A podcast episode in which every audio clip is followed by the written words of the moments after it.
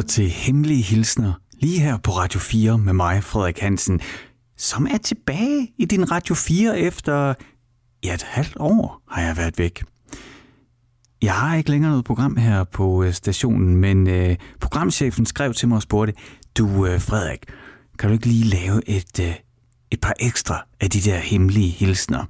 Og det sagde jeg selvfølgelig ja til, fordi jeg elsker at lave hemmelige hilsner. Programmet, hvor du kan skrive ind, dele en hemmelighed, og så vælge et stykke musik, der passer lige til din hemmelighed. Nu kan det selvfølgelig være, at du tænker, åh oh, nej, ikke ham Frederik, nu var vi lige sluppet af med ham. Det, det kan jo godt være. Og så, så tror jeg, jeg kan berolige dig med, at, øhm, at min teori, det er, at inde på Radio 4, der har de en øh, liste med øh, ansatte. Der står jeg ikke. Øh, så har de en liste med vikar. Den tror jeg heller ikke, jeg står på. Ingen gang i bunden.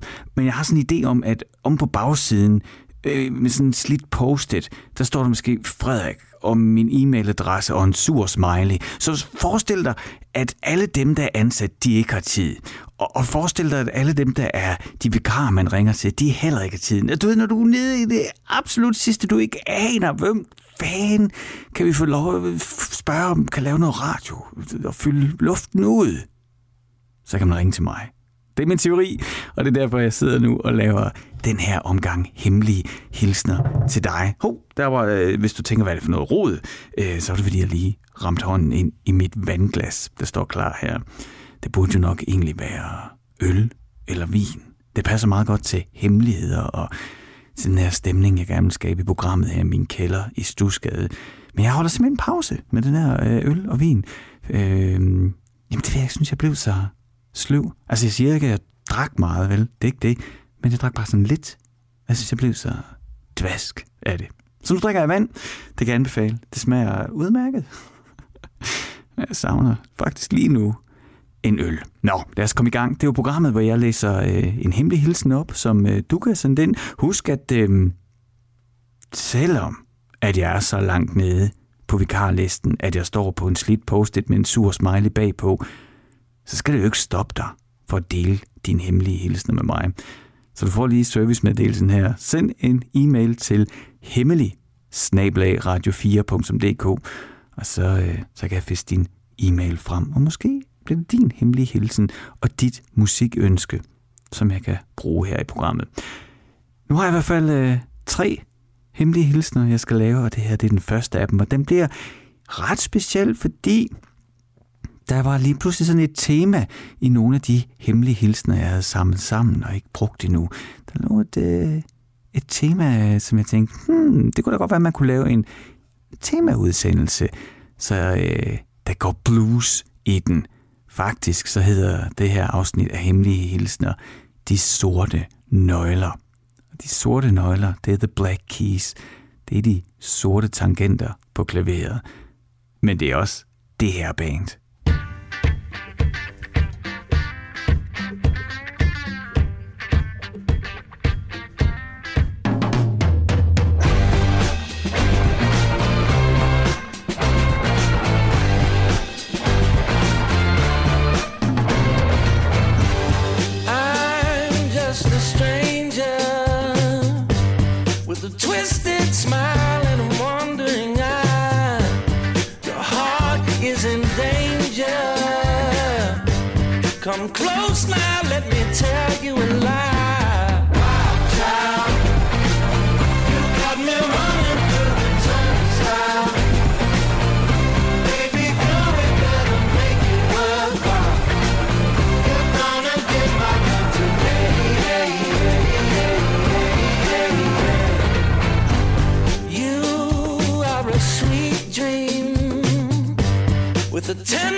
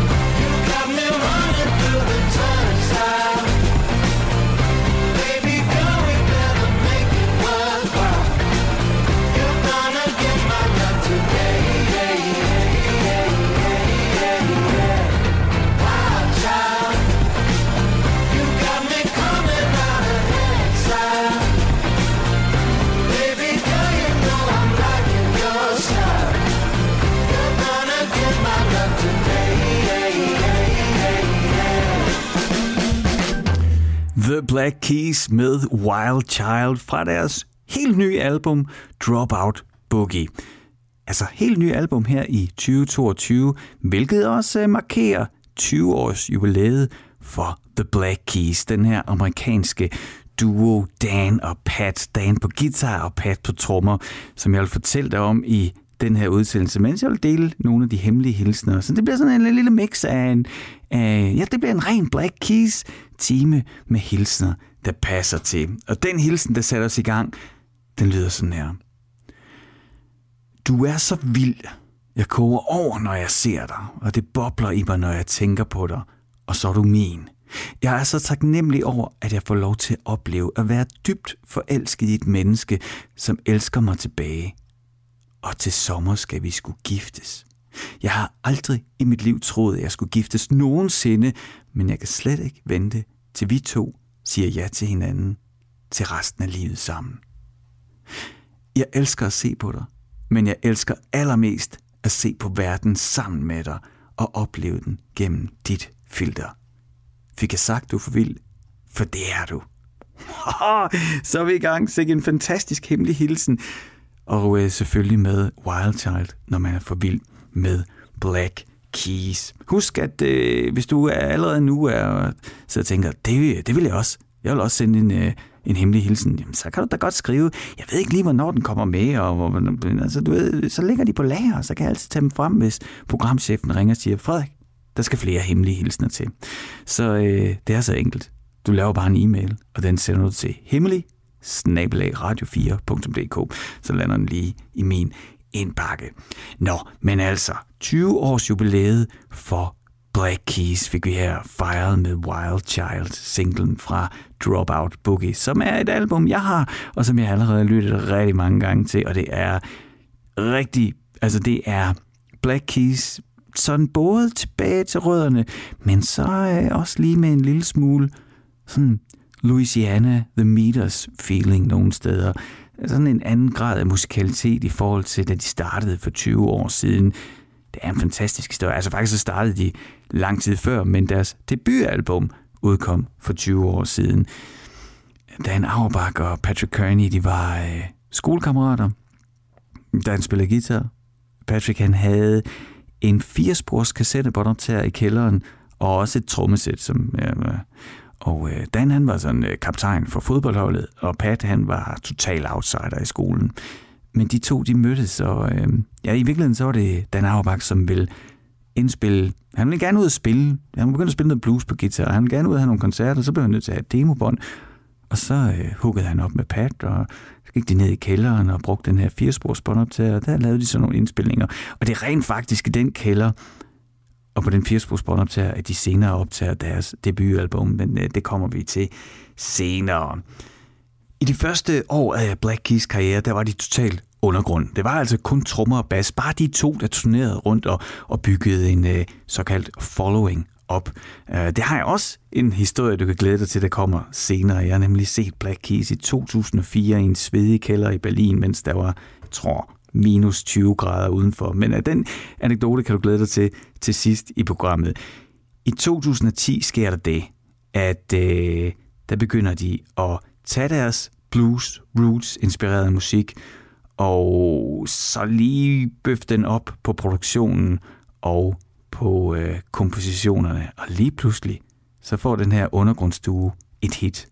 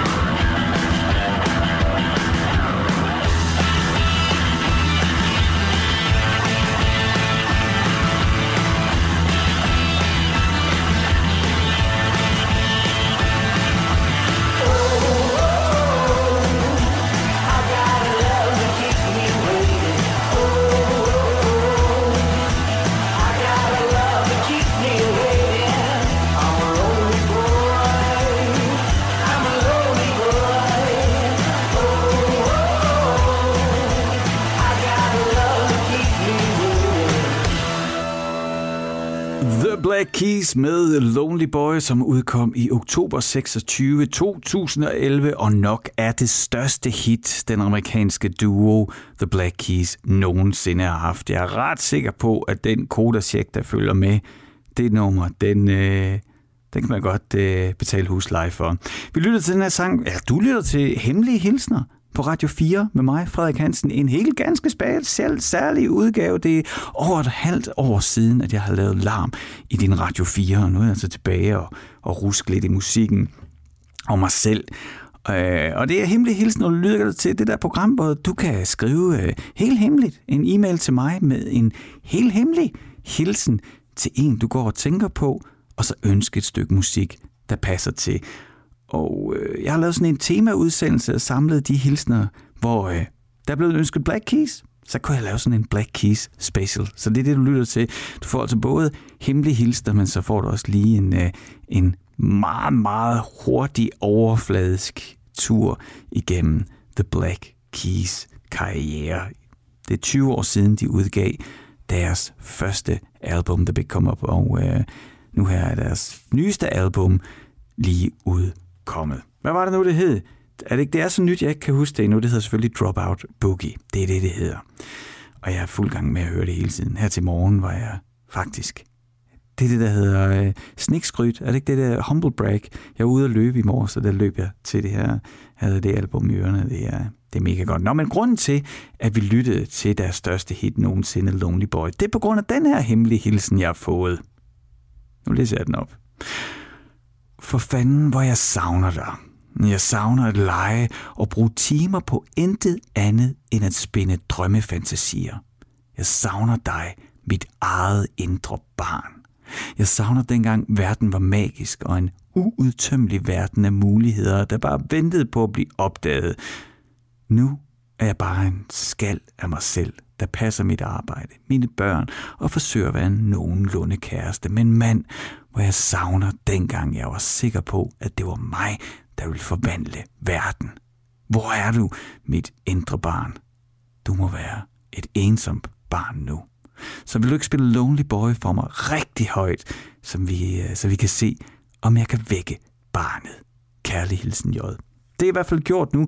Jeg kan ikke sådan lige styre volumen på dit øh, anlæg, J, men øh, du kan også øh, podcast det her program, og så kan du spille det igen og spille det højt. Det kan selvfølgelig også bare gå på YouTube, eller hvor end der du lytter til musik, hvad ved jeg. Det var J, der ønskede Lonely Boy. Jeg fik sagt, det var Black Keys største hit, det er det nok. Jeg ved, altså, jeg ved ikke lige, det kan da godt være, der.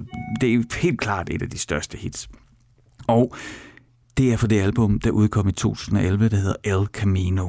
Deres syvende album. Så øh, du kan godt se, ikke? deres øh, debut udkom i 2002, så er ligesom de simpelthen udgivet mindst et album om året siden.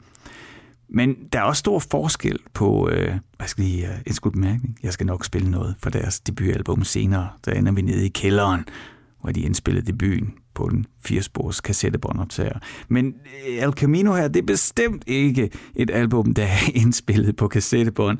Og galt, det er et godt, tjekket, produceret album med fantastiske sange på. Der er altså lige øh, skruet op for tjekketheden på kompositionerne og på, øh, ja, det man så smart kalder production value. Og det er altså ikke øh, Pat og Dan, der sådan helt selv er ansvarlig for det. På, på et tidspunkt så begynder de at arbejde sammen med den producer, der hedder Danger Mouse. Og han har altså et, en virkelig stor indflydelse på, at The Black Keys, de går fra at være undergrund til at være stadion. Altså, de kan fylde stadion lige pludselig med de her hits. Og det kan han jo, Danger Mouse. Der er sådan... Øh, han har produceret for alle mulige.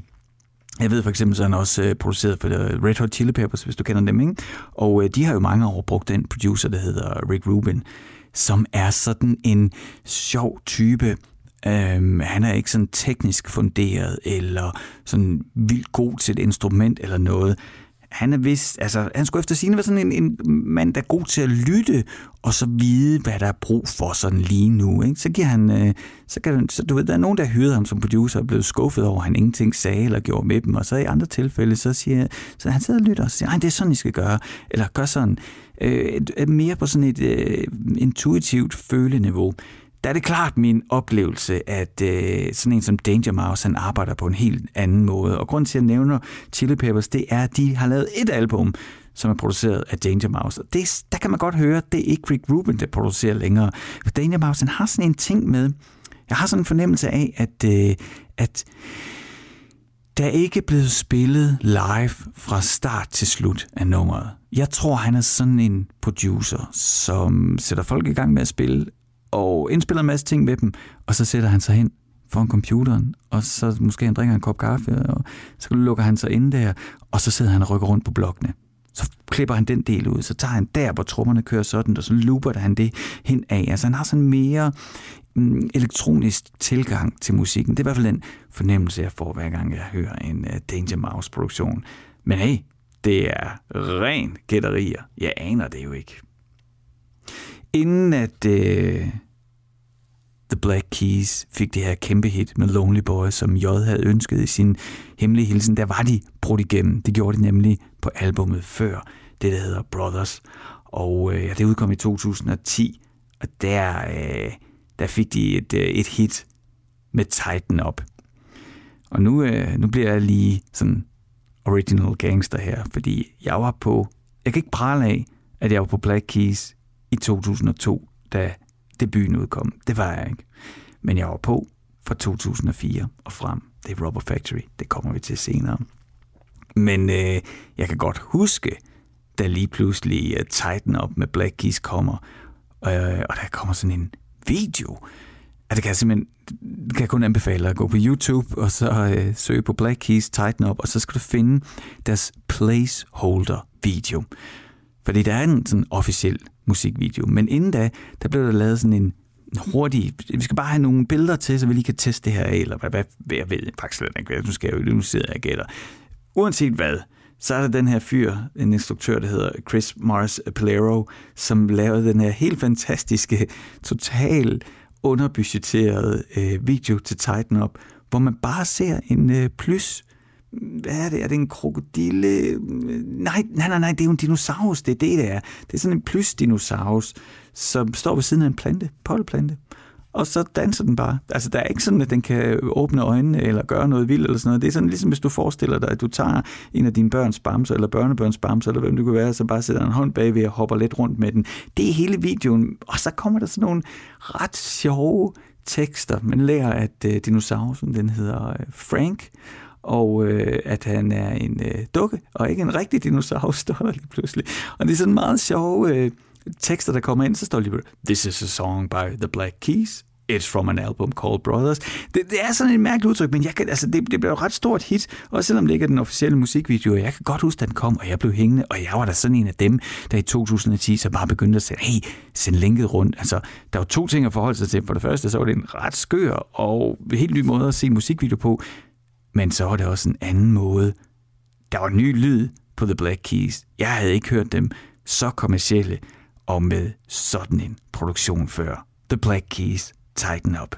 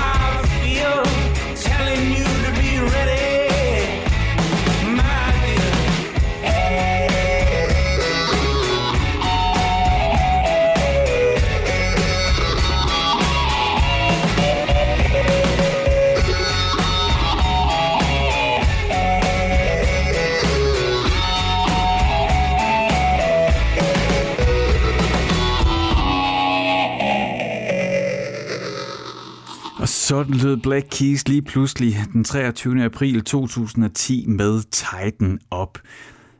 Det var en helt anden lyd end den, jeg kendte for Black Keys. Jeg mener faktisk også, at nogle par, øh, de, de spillede vist på Spot Festival sådan ret tidligt i deres karriere. Det burde jeg lige tjekke op på. Det slår mig bare lige nu, mens jeg sidder og taler, at, at jeg så dem ikke på Spot, men nogle af mine venner talte om The Black Keys på Spot. Men øh, nå, det kan være, at jeg tager fejl. Anyway, som jeg har lovet, så kommer der en uh, historie sidst om dengang jeg helt original gangster så dem i en kælderklub i Berlin i to... Nej, det er 2005. Jeg skulle lige sige 2004. 2005. Anyway, det her det var øh, Black Keys Titan Up, hvor øh, der var gang i en helt anden måde at skrive sange på. Man kan godt høre, at der er nogen, der har gjort sig nogle overvejelser om, hvordan det her det skal blive til et hit.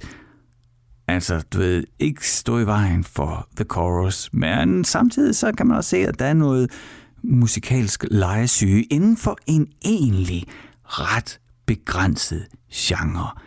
For The Black Keys er The Blues. Og det er de gamle blues-legender. Ja, Robert Johnson for eksempel, som en helt åbenlys musiker, der har inspireret øh, nok især Dan Auerbach på guitar og sang. Ikke? Det er det, han kommer fra, og det er det, han søger igen og igen. Og øh, det er spændende, hvordan at de tager den der amerikanske folkemusik et eller andet sted. Ikke? Den der, det der ur, ur, den der urgråd fra øh, det dybeste Memphis. Og så øh, på en eller anden måde får den gjort mainstream og til en radiosingle. Ikke? Altså, hvis du spiller blues, så, øh, så står P3 jo ikke klar til at give dig øh, æder, vel? så, øh, så det var ret fantastisk, det de gjorde der, og, og de greb, de gjorde, fordi jeg synes ikke, jeg har haft oplevelsen af på noget tidspunkt, at The Black Keys har mistet deres sådan musikalske integritet og forbindelse til det, de var fra begyndelsen. Men det kan virkelig godt være, at de måske selv har følt det, fordi at øh, Dan Auerbach har lavet nogle soloplader, og på et tidspunkt, så tror jeg, de blev lidt trætte af hinanden og skulle have en pause fra hinanden, ham og Pat. Så øh, jeg kan anbefale The Arcs, som, øh, som er et af Dan Auerbachs projekter, hvor, øh, hvor han virkelig Altså, hvor der, mm, altså, der stadigvæk er den der blues-baggrund, men hvor der virkelig bliver igen arbejdet med produktionerne, men også udforsket nogle andre musikalske hjørner, man er vant til at høre ham i. Og nu, øh, nu er der så Dropout Book i et nye album, som har igen klare tråde tilbage til, hvor de kommer fra, men nu med den her sådan lidt, ja, boogie-woogie, den her lidt mm, New Orleans feel, sådan lidt ligesom uh, øh, Dr. John eller The Meters, du ved, at der, så, der kom lidt ned ind af det der lidt voodoo ind i deres blues. Men hvis du nu lige har øh, uh, Titan Up og Lonely Boy, de seneste to sange, jeg har spillet for dig her, som er sådan den kommercielle udgave af The Black Keys, så vil jeg øh, prøve at tage dig med 20 år tilbage i tiden, hvor Pat og Dan står i kælderen, og Dan har lavet nogle sange, sådan, som han selv siger, nogle blues rip-offs, altså lyttet til nogle af de klassiske blues-sange, så lavet sin egen version af det, og Jamen, øh, Pat han sidder så og klasker lidt i trommerne og lidt, øh, lidt percussion. Prøv at lægge mærke til, hvor lavt det ligger i mixet. Og så er det så optaget i hans lille firespors hjemmestudie. Og øh, det er bare to fyre fra Ohio, der står i en kælder og laver det her. Men man kan godt, man kan godt høre, at den der desperation, den der forbindelse til der, hvor det gør rigtig ondt, der, hvor det er blues, der, hvor det er blåt, den, øh, den har den har jo bare, bare en lige linje til. Når han åbner munden og griber strengene, så bliver der altså øh, kanaliseret dyb, dyb afgrunds blues.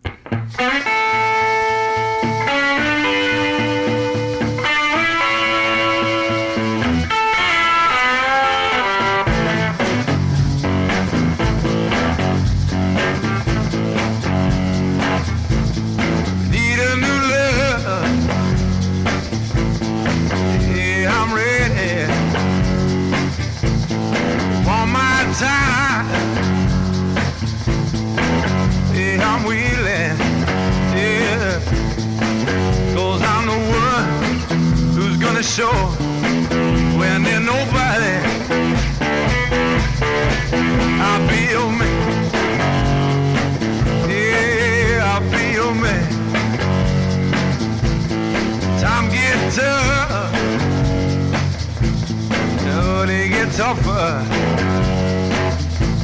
Hold on to me. I got you, darling. Yeah. Cause I'm the one who's gonna show.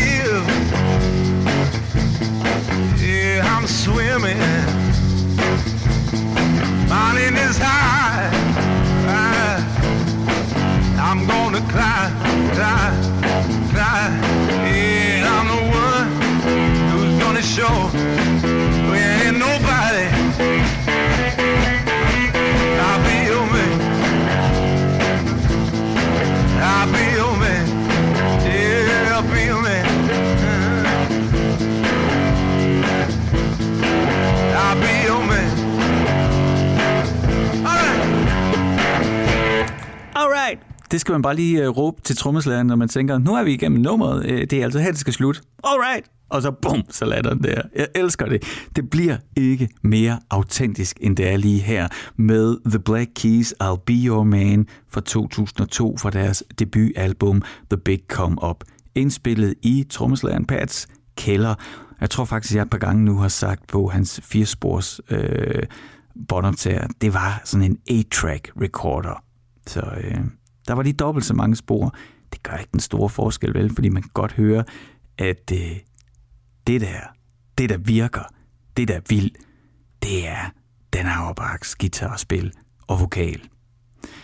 Og det er på ingen måde for at nedgøre øh, Pat, Patrick Carney eller hans trommespil eller noget, som han voksede ind i, og jeg tror ikke, de to kan undvære hinanden. Det er i hvert fald fantastisk, fantastisk ting, de har lavet sammen. Det er bare mere, jeg synes, det er så vild en dokumentation af, hvordan nogle mennesker på den her planet, de bliver født med en rygsæk fra et eller andet sted. Altså det, jeg mener. Man kan jo ikke være i begyndelsen af 20'erne og så lyde sådan der, uden at man har haft et eller andet med fra starten. Og øh, det jeg ved jeg selvfølgelig, det er jo totalt på egen regning, men det altså, uanset om man kalder dem et indie rock band eller det, så, så der det kommer fra, det er the blues. Det kan du høre. Så kan det godt være, der er mere fart på, end, øh, end, end når der bliver virkelig drukket igennem og søbet og tudet ned i en øh, flaske whisky. Men det er den der grundessens af sådan en fortabt sjæl. Det synes jeg, at Dan Auerbach kan bære igennem på alle deres indspillinger. Også selv når de laver sådan kommercielle singler og hits, som, øh, ja, som hele verden fløjter med på, så, øh, så er den der stadigvæk den der blå tone. Min svigerfar er faktisk øh, meget, meget, meget bluesbegejstret. Han er ikke en... Altså, han er virkelig... Han er, jeg tror, han er det, man kalder en privilegeret hvid mand. Ikke for at være racistisk eller noget. Det, det er bare, hvis man skulle tænke på en privilegeret hvid mand, så, så tænker jeg på ham. Jeg kan rigtig godt lide ham, så det er kun positivt ment. Øh, og, men han elsker blues. Altså virkelig. Og øh, han har lavet en, en rigtig god karriere med alle mulige andre ting, men, øh, men han har en god guitar. Og så kan han sidde der og klimte og øh, play the blues. Og, og jeg synes, det er... Ja, altså kommer der et sådan gammelt bluesnummer på, jamen, så kan man se glæden i ham, hvordan han øh, bliver tændt af den her musik. Og det, øh, det synes jeg bare er sjovt, ikke? fordi det er jo virkelig i virkeligheden sådan en, det er jo sådan et, et ja, det er en klage for dybet, ikke? Og når man så har øh, styr på sin friværdi og aktieportefølje og alt muligt, og ikke har, ja, man har sine børnebørn og ingenting at klage over, ikke? Så, det, så, det, så det stadigvæk gør noget ved os, det der, ikke? Eller nogen af os. Jeg ved godt, altså, jeg, jeg er jo også, jeg er jo også en privilegeret hvid mand, men jeg bliver også ramt af det. Og det er, øh, han, øh, min, øh, min svigerfar, han har, han har fundet sådan nogle, øh, cita- sådan nogle ud, øh, citater om, øh, hvad blues er. Sådan humoristisk. Jeg tror, det er det, der hedder dad humor. Men jeg kunne godt lige dele nogle af dem. Det starter sådan meget, øh, okay, de fleste blues-sange begynder med Woke Up This Morning. Ja, fair enough, ja. Og så kommer der bagefter, mm, I Got a Good Woman er en dårlig måde at begynde en blues på. Med mindre, at der kommer noget rigtig nasty i slutningen. Så for eksempel, I've got a good woman with the meanest face in town det synes jeg er meget sjovt. Og så, øh, så er der en anden øh, blues-betragtning her. Altså, altså, at the blues is not about choice. Så det, du, det er ikke noget med, at det skal gå øh, den ene eller den anden vej. Selvom Robert Johnson har lavet Crossroads og solgt sin sjæl til djævlen.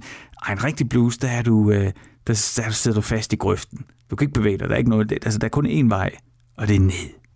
Der er kun nedtur. Så bliver det sådan lidt mere specifik her, at, øh, at hvis du skal synge om blues, så, så kan du ikke synge om din Skoda Octavia, eller øh, hvad fanden, men ellers er parkeret ude foran, eller din øh, elektroniske bil. Altså det skal være en Chevy, en Ford, eller en Cadillac, eller allerbedst en broken down truck, som det står her. Blues don't travel in Volvos. Øh, så er der også, øh, ud over det der med biler, ikke? så står der også her, at øh, der kan godt være blues i New York City, men du kan ikke have blues ja, på Hawaii. Det kan man ikke. Eller havde ikke nogen steder i Canada. Altså, det, det duer ikke. Chicago, St. Louis og Kansas City. Mm-hmm. Det er udmærket steder at have blues. Så er der New Orleans, Memphis, Greenwood. Er endnu bedre steder at have the blues, altså der, hvor bluesen blev født. Men hvis du er på en smadret gammel gård i Mississippi-deltaget, så finder du ikke et bedre sted at have the blues. øh, så står der også her, øh, så kan man lave sådan en lille test på sig selv, om man har ret til at synge the blues. Hvis du er, if you're older than dirt, hmm, yeah, sure. Hvis du er blind, eller hvis du har skudt en mand i Memphis, så må du gerne have blues. Men altså, hvis du har alle dine tænder, eller hvis du engang var blind, men nu kan du se, eller hvis manden i Memphis overlevede, hmm, så skal du ikke synge The Blues. Uh, hvad får du lige den sidste her? Uh, uh, uh, hvor er den af? Hvor er den af? Uh, det var da egentlig ikke lige det, jeg ville. Nå jo. Så er det det der med biler, ikke? og så er der, hvor kan det her foregå, og så, øh, så er det rigtige navn, det må jeg altså bare sige, The Black Keys, det er altså et fedt navn til bluesband, ikke? De sorte øh, tangenter på klaveret, og øh, jeg kan lige give dig sådan et eksempel, altså, det er jo ofte, det, det er det, der hedder den pentatoniske skala, og det er jo egentlig sådan et forhold mellem grundtonen og tærst, altså sådan en måltært. Og sådan måske, altså virkelig sådan en udgangsakkord af en C-dur. Det er også det, hedder en C-nøgle, ikke? Altså en C-dur. Og den består af ren hvide tangenter. Men hvis du så tager den anden hvide tangent, du trykker ned i en C-dur, og så spiller den helt klassisk, altså E'et, og, øh, og så spiller, øh, lige rykker den en halv tone ned til et S, så, øh, så spiller du på en sort tangent der og så bliver det mål, og så lyder det altså lidt blues her. Så Black Keys, fedt navn. Og så står der altså her, øh, blues-navnet til øh, kvinder, det er Sadie, Big Mama, Bessie og Fat River Dumpling. Mm. Og så er der blues-navne for øh, mænd, og det er Joe og Willie og Little Willie og Big Willie. Og så står der, at øh, hvis du hedder Michelle, Amber, Debbie eller Heather, så kan du ikke synge The Blues, uanset hvor mange mænd du er skudt i Memphis. Okay, det var vist nok øh, fri øh, slap line her, øh, ting fra min øh, svigerfar. Øh, nu er det i hvert fald delt med dig. Noget af det, som The Black Keys, som den her udgang af øh, øh, den her hemmelige hilsner, handler om, det er at øh, dele. I deler jeres hemmelige hilsner med mig. Det gør I øvrigt ved at sende en e-mail til hemmelig radio4.dk. Så lander den i min inbox, eller gør som min svigerfar, han sendte på øh, det, der hedder WhatsApp, der delte han sine øh, ja, hemmeligheder om The Blues er det ikke, men det var i hvert fald de tanker, han har gjort som The Blues, så jeg kunne læse dem op for dig her. Men øh, dele, dele var segwayen. The Black Keys har altid været gode til at dele der, hvor de kommer fra. De har lavet albums, som er rene coveralbums med tributes til kunstnere, som de har været inspireret af. Når de spiller koncerter, er der altid covers på menuen. Og måske er de nok i virkeligheden mest kendt for at lave en hjernedød vild udgave af The Sonics Have Love Will Travel. Oh.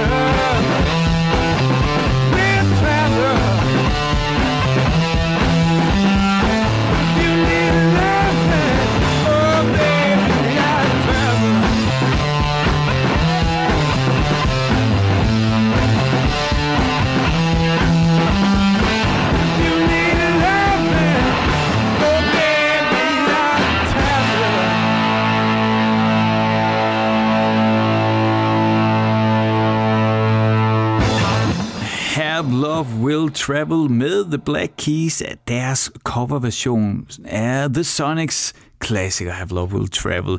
En mega vild udgave, som jeg tror rigtig mange øh, sådan nye ydre musiknydere øh, i mange år tænkte, det der Black Keys, det der mega fedt Black Keys nummer, det var The Sonics klassiker, de her pumpet op, og igen leverer med den der urtone, som jeg bliver ved med at påstå, at øh, den er bare guitaristen og sangeren i The Black Keys har. Du lytter til Hemmelige Hilsner på Radio 4 med mig, Frederik Hansen, og øh, ja, min svigerfar havde valgt et... Øh, det er jo ikke særlig hemmeligt, når du siger det er min svigerfar, men han har altså valgt at dele de her blues-observationer, han har samlet op et eller andet sted, og så delte jeg dem med dig, fordi det var sådan en god overgang til at spille noget af den musik, som The Black Keys har delt med os. Vi vil sådan langsomt nå til slutningen af den her udgave af Hemmelige Hilsner, og fra begyndelsen, så lovede jeg dig, at jeg selv vil dele noget i det her program.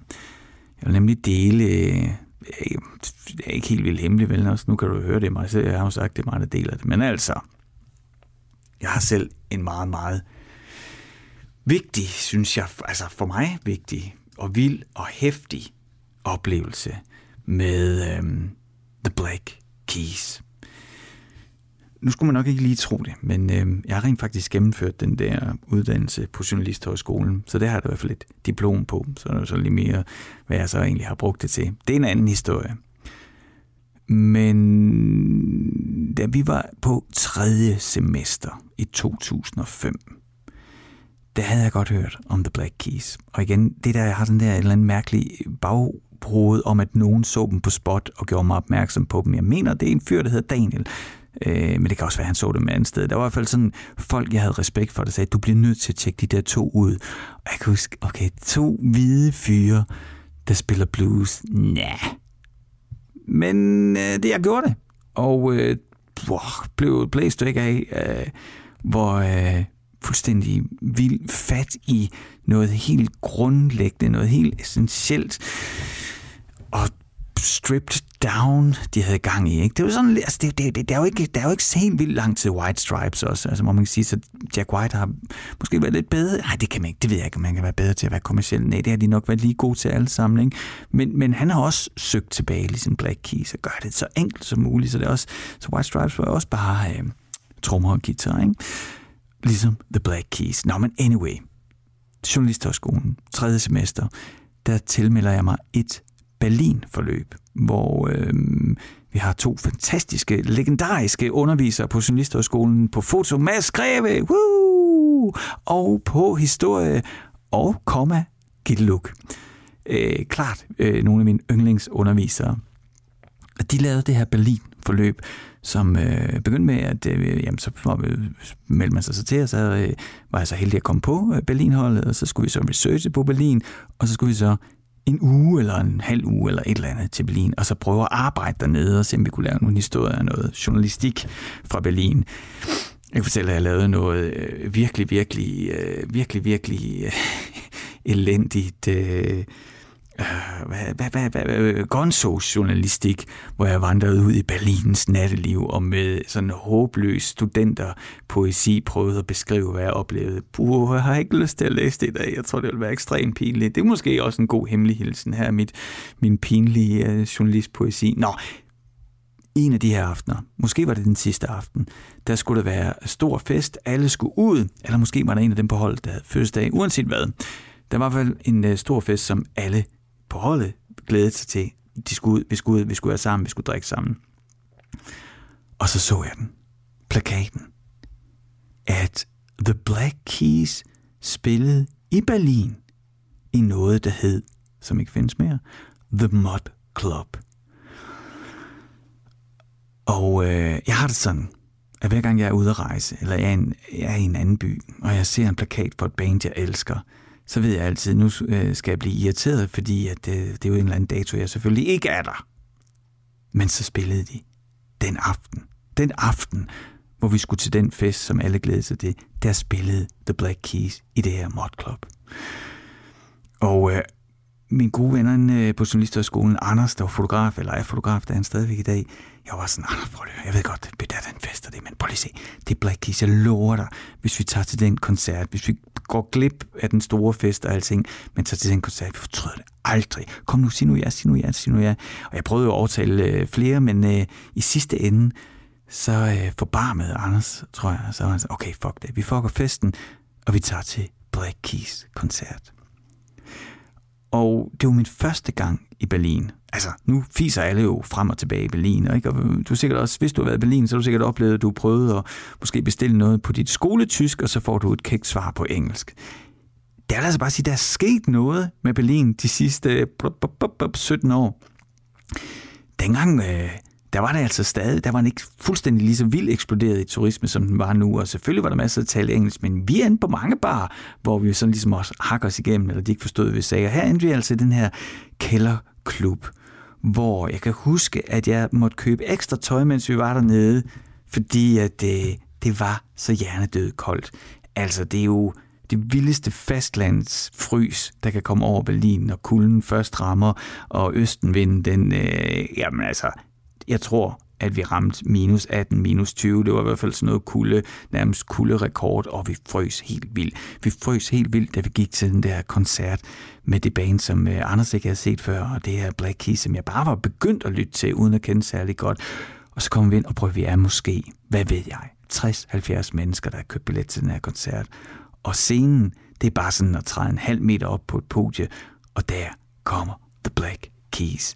Og jeg står aller forrest, og jeg står så tæt, at jeg kan røre ved dem. Jeg kunne springe op på scenen, der var jo ikke noget security, der var ingenting. Det her band, der kan fylde stadion, de stod lige der foran mig og Anders, og så gik kælderen amok. De spillede, altså hamrede de der blues riffs af. Det er også der, man finder ud af, hvor Patrick Carvey, hvor vigtig han er. Altså hele sit udtryk og sin musikalitet, de piskede os op, og vi svedte som besatte. Og jeg kan fortælle, at jeg kan huske, at jeg ved, hvorfor jeg kan huske, at vi svedte så vildt. Jeg var gennemblødt. Mit tøj, du, det var som en, altså som kaklud, sådan en kaklud og en våd hane. Og da koncerten var slut, og jeg var fuldstændig høj på den der koncert, ikke? der gik vi plaskvåde sved ud i minus 20 grader og skulle gå hele vejen tilbage til det her youth hostel, vi boede på. Og det er det koldeste, koldeste, jeg nogensinde har prøvet, hvor min hvide trøje, den frøs. Altså det tøj, jeg havde på, det frøs, det blev helt stiv af at gå i de der minusgrader, men det var alt sammen lige meget, fordi vi var lige gået amok og set åbenbaringen i blusen fra The Black Keys.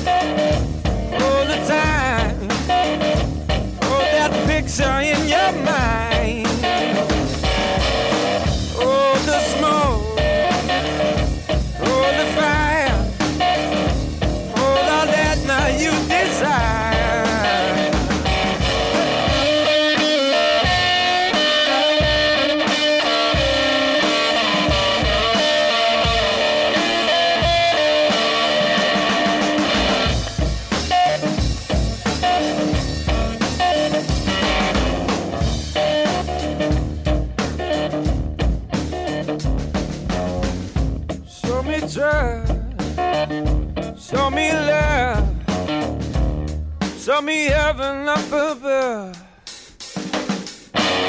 Sure, you saw.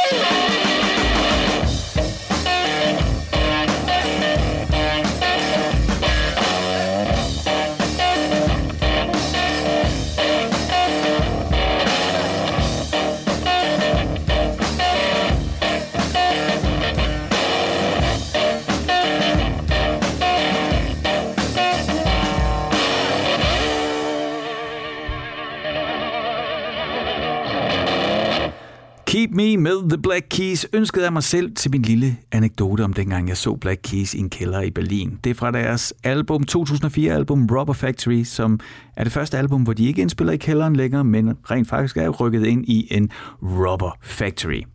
Hemmelig hilsen er slut for den her omgang, men jeg har øh, et par programmer op i ærmet, så skriv til mig, hvis du har en hemmelig hilsen og musikønske, så send en e-mail til hemmelig radio4.dk. Nu er det tid til nyhederne.